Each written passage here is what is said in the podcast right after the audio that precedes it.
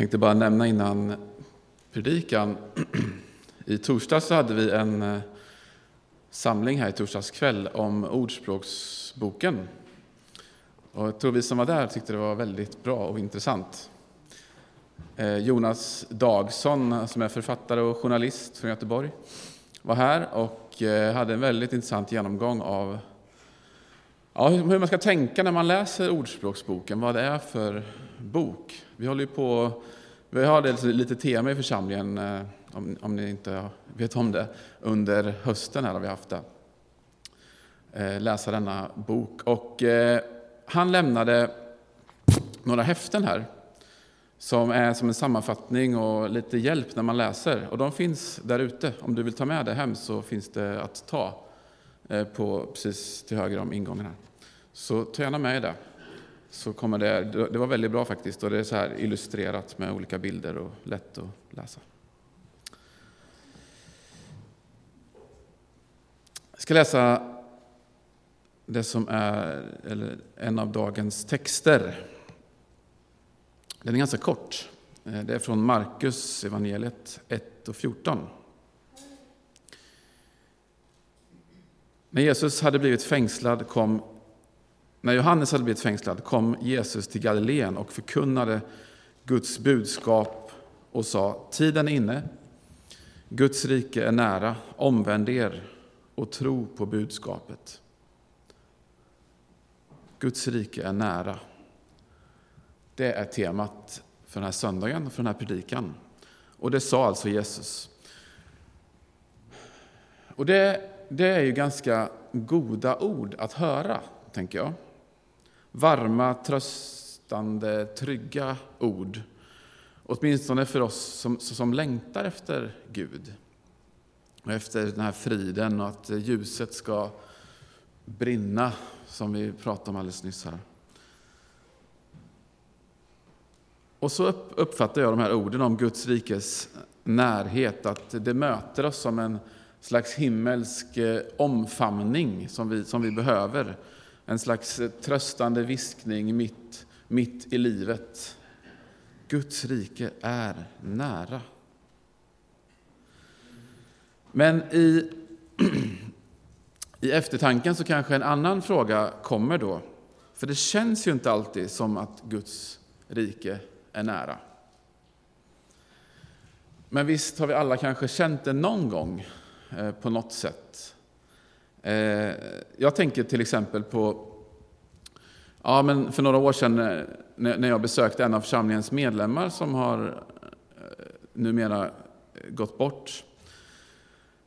Gunborg tänker jag på, ni som känner till henne.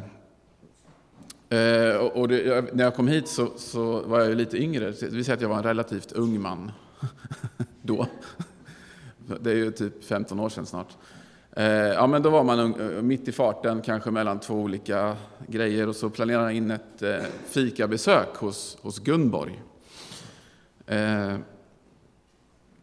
och att komma in i hennes lilla hus, det var lite som att hamna i en annan tidszon kan man nästan säga.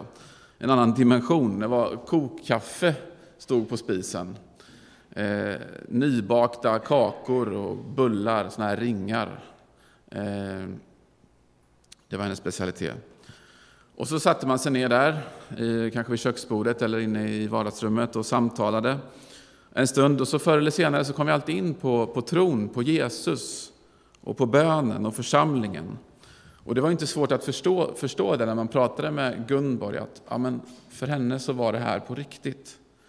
Eh, att hon, var med, hon levde med Jesus hela tiden. Han var med henne där hemma. Det var ett pågående samtal. Och när vi började prata, ha pratat färdigt så var det dags att, att be. Först skulle, man, skulle vi läsa mannakon, det vill säga små eh, bibelverser på små lappar. skulle man alltid läsa hos Gunborg. Och, så, så, och där var bönen och bibelläsningen alltså självklar. Och så, så bad jag en, en bön, och sen Gunborg. Och ibland kan man ju höra när en annan människa ber att eh, han eller hon, ja men Eh, verkligen nära Gud.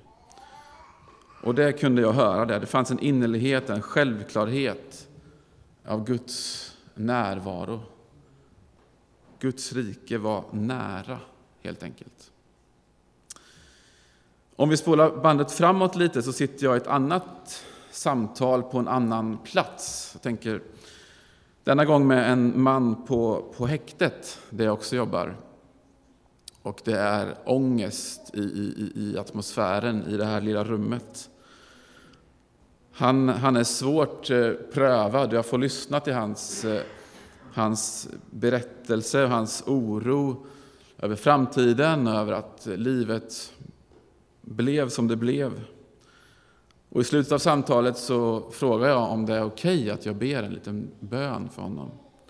Så gör jag det, jag ber en enkel bön med, med ord om, om en Gud som finns med mitt, mitt i det svåra. Och, och eh, efter, det, efter bönestunden så, så strömmar tårarna ner för hans ansikte. Och det behövs inte sägas så mycket mer där, men det blir väldigt påtagligt att ja, men Guds rike är nära där också. Och Jag tror att vi har sådana här upplevelser, Eh, var och en i våra liv, där vi kan säga att vi har upplevt Guds rikes närhet. Men så är det idag, dessa andra dagar, när, när eh, Guds rike känns avlägset.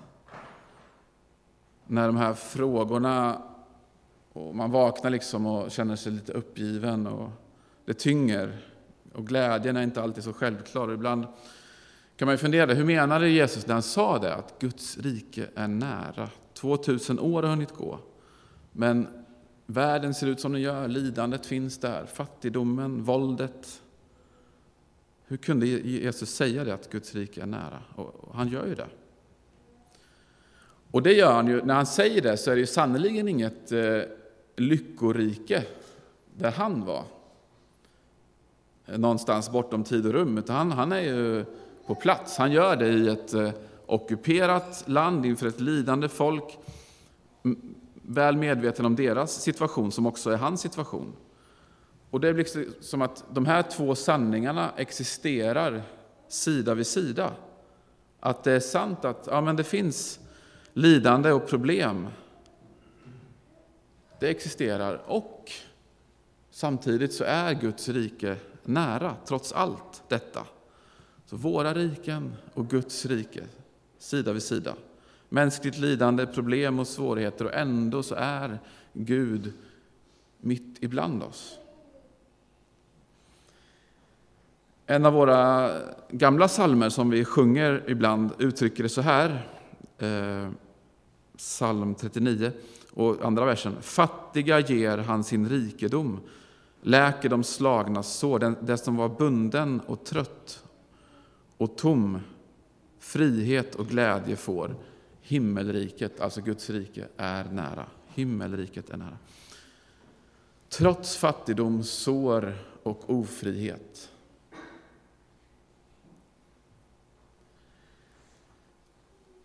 Och man förstår när vi läser om lärjungarna att de, de hängde inte med alltid på vad Jesus sa.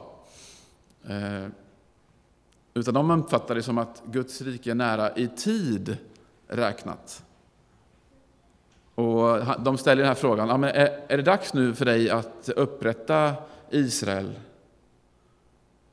och befria det judiska folket fullt ut? Och han, Jesus förnekar inte att det ska ske och Paulus säger att det ska komma en sån tid, men, men det var inte om, om den närheten i tid som Jesus talade, utan det var ju i närhet, om närhet i relation som han pratar. Det vill säga, om du säger så här, ja men julen är nära, då betyder det någonting om tid, eller hur? Men om du talar om, om närhet till någon du älskar så betyder det ju någonting om, om relation. Då handlar det inte det om, om, om almanackan eller klockan, utan om ömhet, kärlek och relation. Så när Jesus säger att, att Guds rike är nära, så betyder det just det att, att Gud är hos dig, älskar dig, lyssnar till dig, att han söker dig, leder dig, tröstar dig och låter sig finnas av dig. Och om det är sant, att Guds rike är nära, så är ju, är ju då frågan om du är beredd att låta Guds rike komma nära dig. Och hur nära det får komma. En annan text från Matteus 6.33, väldigt känd. Sök först hans rike och hans rättfärdighet, så ska ni få allt det andra också. På något sätt menar Jesus att det här ska känneteckna varje kristen människa. En stark längtan efter ett ärligt sökande efter Gud, efter Guds rike. Som en kompass där nålen, alltså kompassnålen alltid söker sig mot norr så ska eh, en kristen alltid söka Guds rike, kan man säga. Sök Guds rike först, det vill säga sök det före dina egna intressen, framför din egen bekvämlighet och kanske hellre än din egen framgång. Att inte låta sig drivas av sina egna, egna känslor eller andra åsikter, andras åsikter hit och dit som en herrelös eh, båt på havet. Utan Guds rike ger dig en, en riktning för livet. Så hur gör man det då? Hur söker man Guds rike? Ja, det, det är ingen, det, det liksom det urgamla svaret på den frågan. Det kan vi. Det gör man förstås alltså genom, genom bönen. Genom att tala med Gud, men också genom att läsa Bibeln, bönen och Bibeln. Genom att lyssna till Gud alltså. Men även som vi gör här genom att vara i en gemenskap med andra. Att lyssna, finnas med och lyssna till andra människor. Där man, I en gemenskap där man delar de här frågorna och upptäckterna. Och där man delar bördorna och glädjeämnena med andra. Så Guds rike, det söker man genom att försöka följa Jesus. Och det kanske kunde vara en slags förklaring. Att söka Guds rike, det är att försöka förstå vad det är att leva med Jesus. Och Jesus säger just det, om, om det är ditt, om det är ditt eh, livs drivkraft så ska han se till att du får det du behöver i livet. Kanske inte alltid det du vill ha, men det du behöver.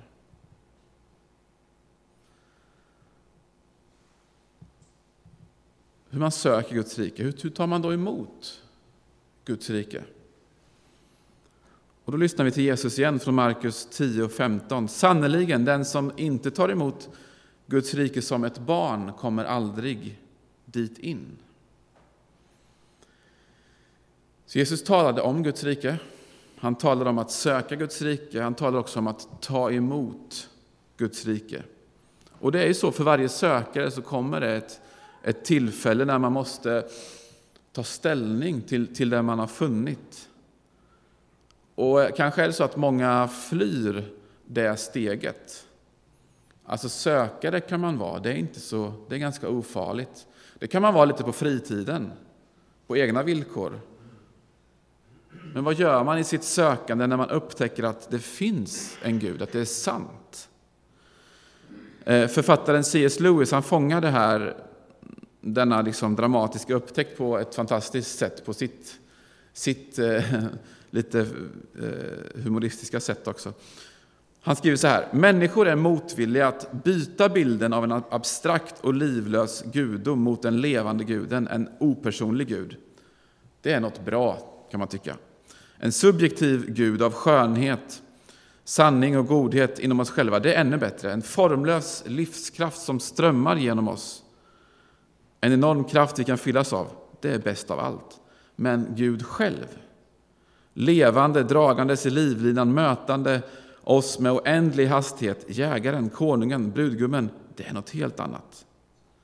Så det kommer ett ögonblick när barnen som lekt inbrottstjuvar plötsligt tystnar Hördes det inte verkliga fotsteg i hallen? Det kommer ett ögonblick när människor som lekt religion, alltså människans sökande efter Gud, plötsligt stannar upp. Tänk om de verkligen skulle finna honom. Det var aldrig meningen att det skulle gå så långt. Eller ännu värre, tänk om det är han som har funnit oss. Alltså, vi kan ju ha många åsikter om Gud utan att det liksom förändrar oss alls. Vi kan till och med ha övertygelser utan att det egentligen själva verket påverkar oss särskilt mycket. Men att, att ta emot det här i sitt liv, det är någonting helt annat. Det är mer än att ha en uppfattning, mer än att ha en åsikt. Eh, Martin Luther sa, Guds rike kommer utan att du ber om det, men du måste be för att Guds rike ska komma till dig. Och det, det finns något bra där. Du, du tar emot Guds rike genom att be Jesus komma in i ditt liv. Sist av allt det här, för det ska man inte glömma, så talar Jesus om att vänta på Guds rike också. Jesus säger något om framtiden och då är vi i Lukas 13 och 29. Människor ska komma från öster och väster och från norr och söder och ligga till bords i Guds rike. Alltså, samtidigt som Guds rike är så är nära, eftersom Gud är nära, att vem som helst kan vända sig till honom i en, i en enkel bön och han kommer finnas där, så säger Bibeln att, att Guds rike också en dag ska komma. Inte bara som en aning eller som, en, eller som frid i hjärtat, utan också någonting som man kan ja, ligga till bords i, som det står här. Och Paulus skriver, fast med andra ord, vårt hemland är himlen och därifrån väntar vi också den som ska rädda oss, Herren Jesus Kristus. Och Det här är en del av det kristna livet, att leva i den här väntan, förväntan, en kristen hållning till framtiden. Och så är det med Guds rike. Det är nära. För Gud är nära, så nära att han, han bär dig. Om du vill det så kan han komma in i ditt liv. Men en dag så ska också Guds rike komma, helt och fullt. En dag får du vandra i det riket och ligga till bords i det riket, för det, för det riket är, är vårt hemland. Men fram till dess får vi söka Guds rike, be om Guds rike och arbeta för Guds rike. En till vers, om det, det finns ju många verser om Guds rike eller himmelriket. Från Matteus. Himmelriket är som en skatt som ligger gömd i en åker. En man hittar den och gömmer den igen och i sin glädje går han och säljer allt han äger och köper åken. Alltså Guds rike är som en skatt. En man hittar den och i sin glädje går han och säljer allt han äger och köper den åken där den här skatten ligger. Är det ditt livs skatt, Guds rike?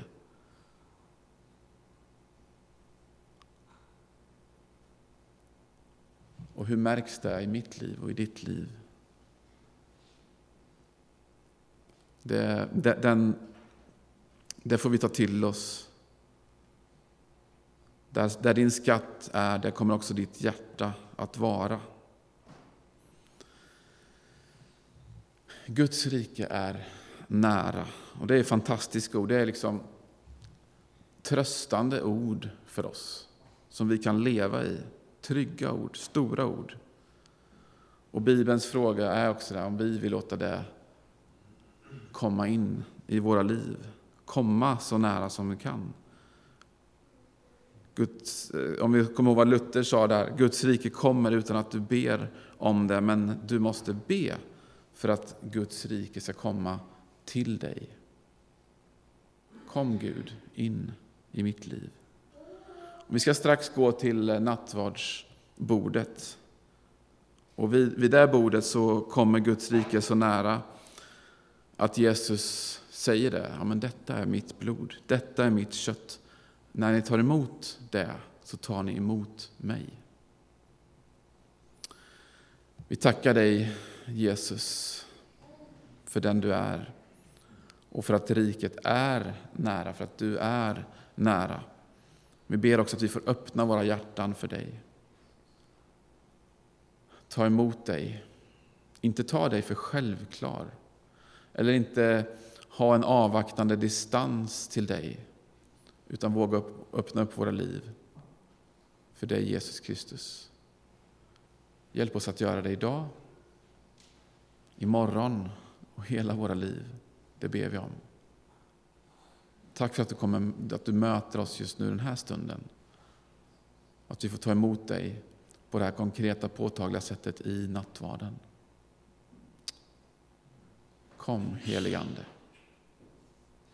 Amen.